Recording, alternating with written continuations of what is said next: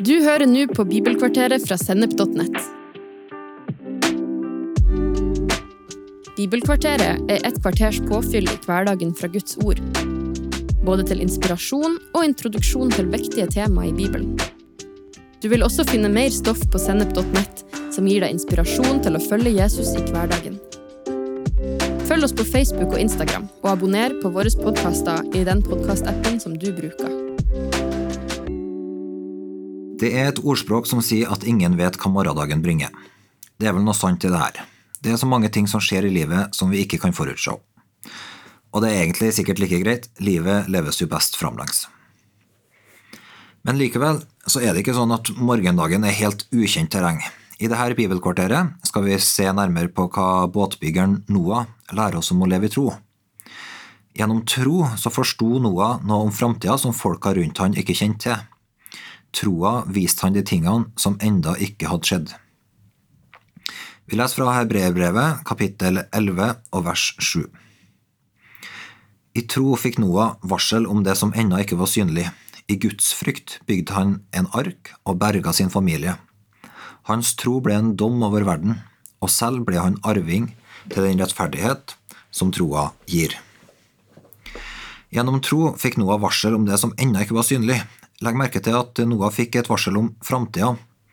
Det var ikke et varsel som kom ut av det blå, eh, og varselet kom ikke til han som siste nytt på gata eller som et tegn på himmelen, men det var gjennom tro han fikk varselet. Så troa satte han i posisjon til å bli varsla om det som skulle skje. Det er påfallende hvor opptatt vi mennesker er av å søke etter varsel om eh, framtida. Hvis vi kjenner framtida, så kan vi forberede oss på det som kommer. Da kan vi styre vår egen skjebne. Nyhetsbildet er fullt av sånne framtidsvarsel. Vi har f.eks. værvarselet. Takk Gud for Meteorologisk institutt. Gjennom avansert matematikk så jobber meteorologene med å forutsi nedbørsmengder, vindstrømmer, høytrykk og lavtrykk. Og I de siste årene så har vi sett flere eksempler på at værvarslene har ført til at vi har kunnet forberede oss som samfunn på oversvømmelser og orkaner og andre sånne destruktive værfenomen. Men det er ikke bare værprofeter som vi har, som holder oss oppdatert på framtida. Eh, vi kan lese eh, jevnlig om hvordan eh, finansbransjen f.eks. spår framtida. De gir oss prognoser for rentebanen, inflasjon og boligmarkedet. Og så har vi egne fagfolk som spår den politiske utviklinga, og folk som lager prognoser for matvarepriser, folk som spår om klimautviklinga, eller hvor sannsynlig det er at vi får en ny pandemi i framtida. Men hva betyr det egentlig at Noah i tro ble varsla om det som ennå ikke var synlig? Noah han kunne jo gått eh, mange steder for å få informasjon om framtida. Og når vi leser bibelhistorien, så finner vi at framtidsvarsling det var big business det, på den tida, sånn som det er nå. Både konger og småfolk oppsøkte vismenn og religiøse spåmenn. Det var stjernetydere som brukte himmellysene til å forstå hva som lå foran, og det var åndemanere som henvendte seg til skjulte åndskrefter for å få informasjon om framtida. Og så var det vismenn som jobba med politiske analyser for dem som hadde makta. Men Noah han søkte ikke varsel hos noen av de her folkene. Noah visste at bare Gud kjenner framtida. Ingen mennesker kjenner med sikkerhet det som ligger foran. Sjøl de som sier at de gjør det, må innrømme at de ofte tar feil. Så teksten forteller oss at Noah ble varsla i tro.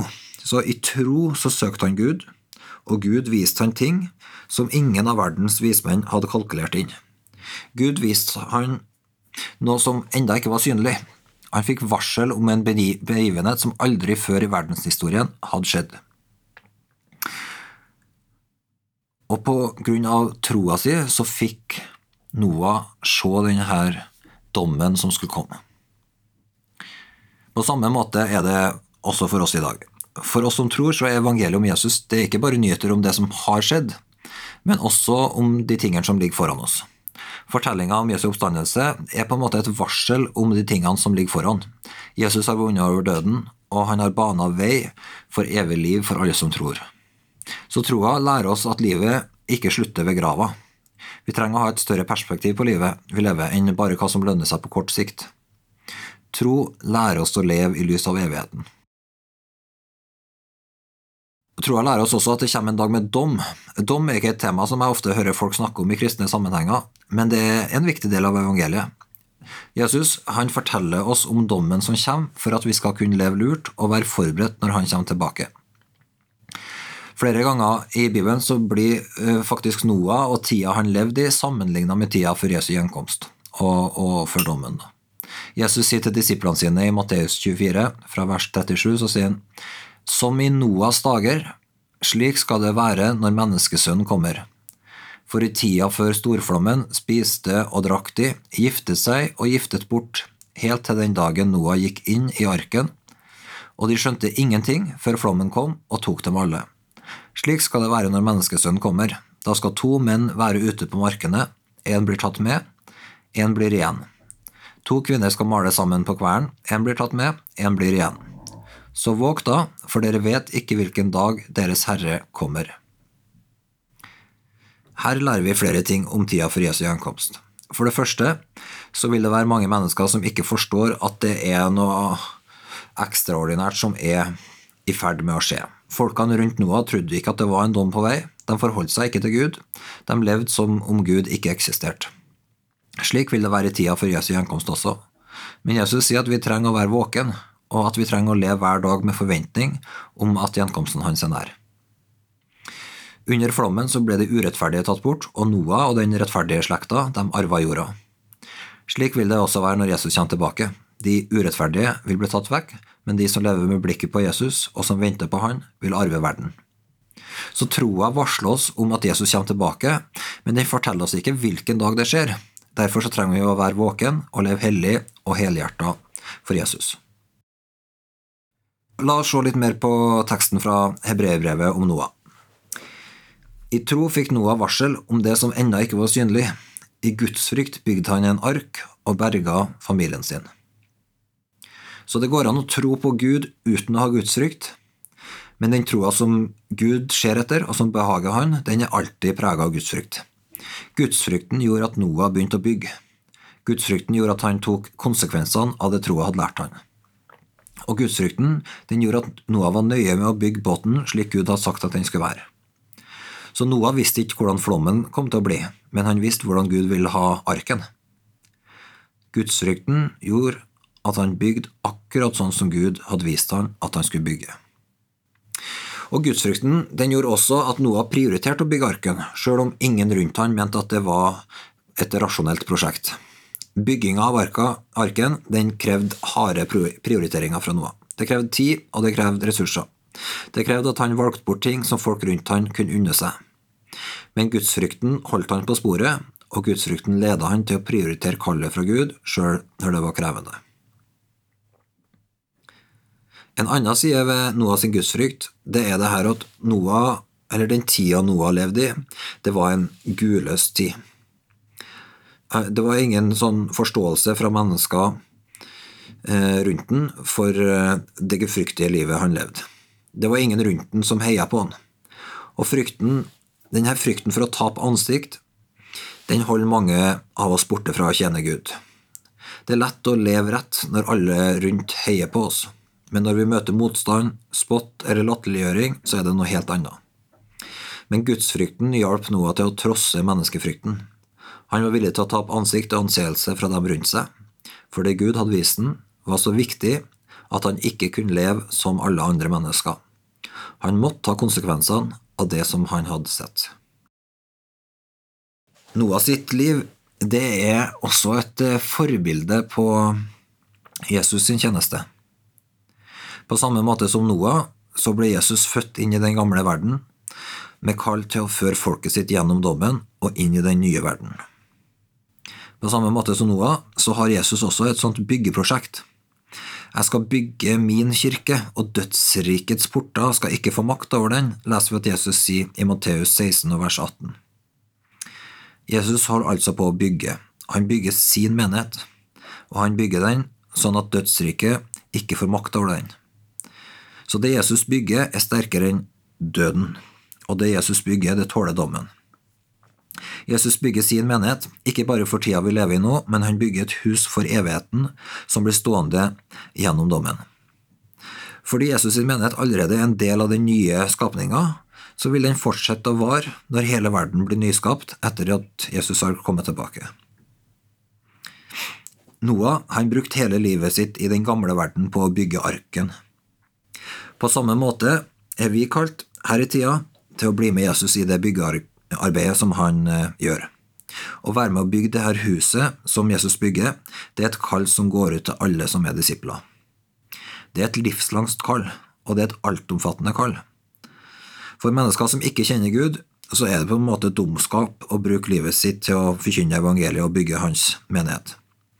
Men for de som har den samme troa som Noah, så er det klart som dagen. Når vi har sett dommen som kommer, kan vi ikke gjøre noe annet enn å forkynne evangeliet og være med å bygge for evigheten. Forfatteren av hebreerbrevet bruker følgende ord på å oppsummere Noah sitt liv. Det står Noah sin tro ble en dom over verden, og selv ble han arving til den rettferdighet som troa gir. På grunn av sin tro så ble Noah arving til rettferdigheten som troa gir.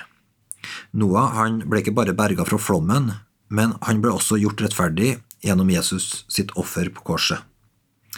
Og sammen med alle som tror, så ble også han arving til Kristi rettferdighet.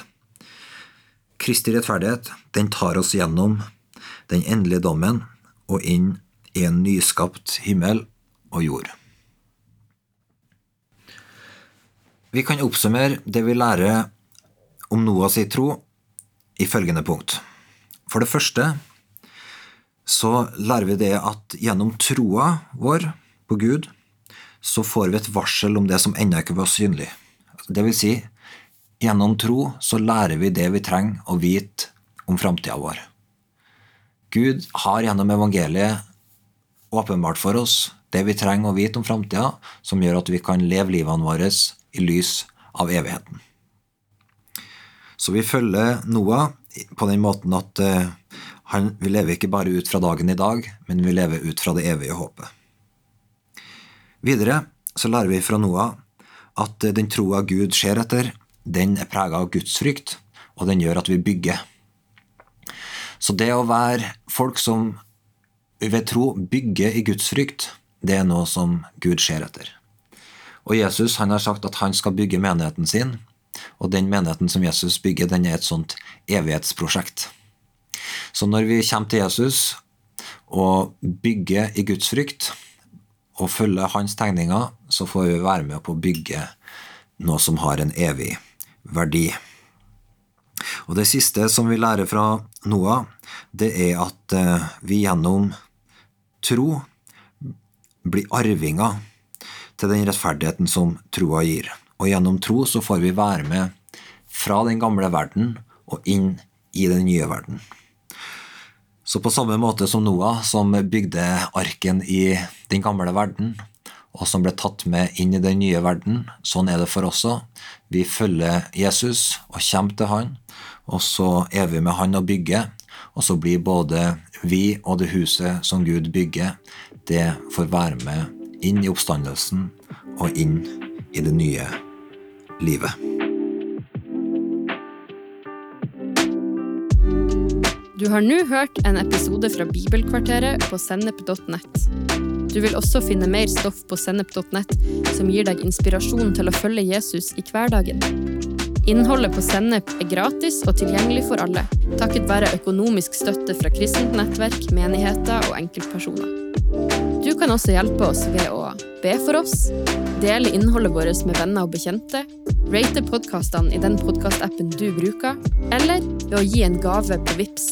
VIPS nummer 54 66 68.